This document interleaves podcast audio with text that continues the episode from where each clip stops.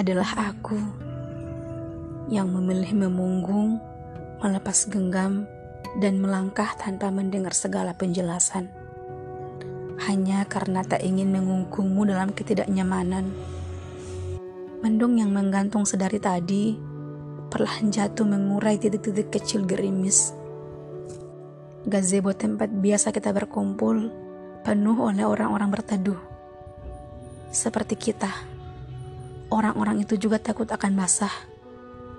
Entah melindungi pakaian dari hujan atau hati dari segala kenangan.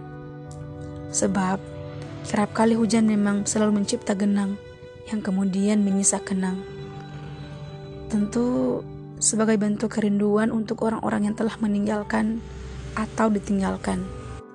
Seperti halnya aku, terus terpaku pada tetesan benih yang jatuh dari langit. Momen-momen yang pernah kita cipta menari-nari dalam kepala, meski saat ini kamu tengah berada tepat di depan mata. Bagaimana malam itu kita menerobos hujan di tengah senyapnya malam, atau hanya sekedar diam menyimak suara hujan yang jatuh tepat di atas kepala, Aku pernah dengan sangat menikmatinya.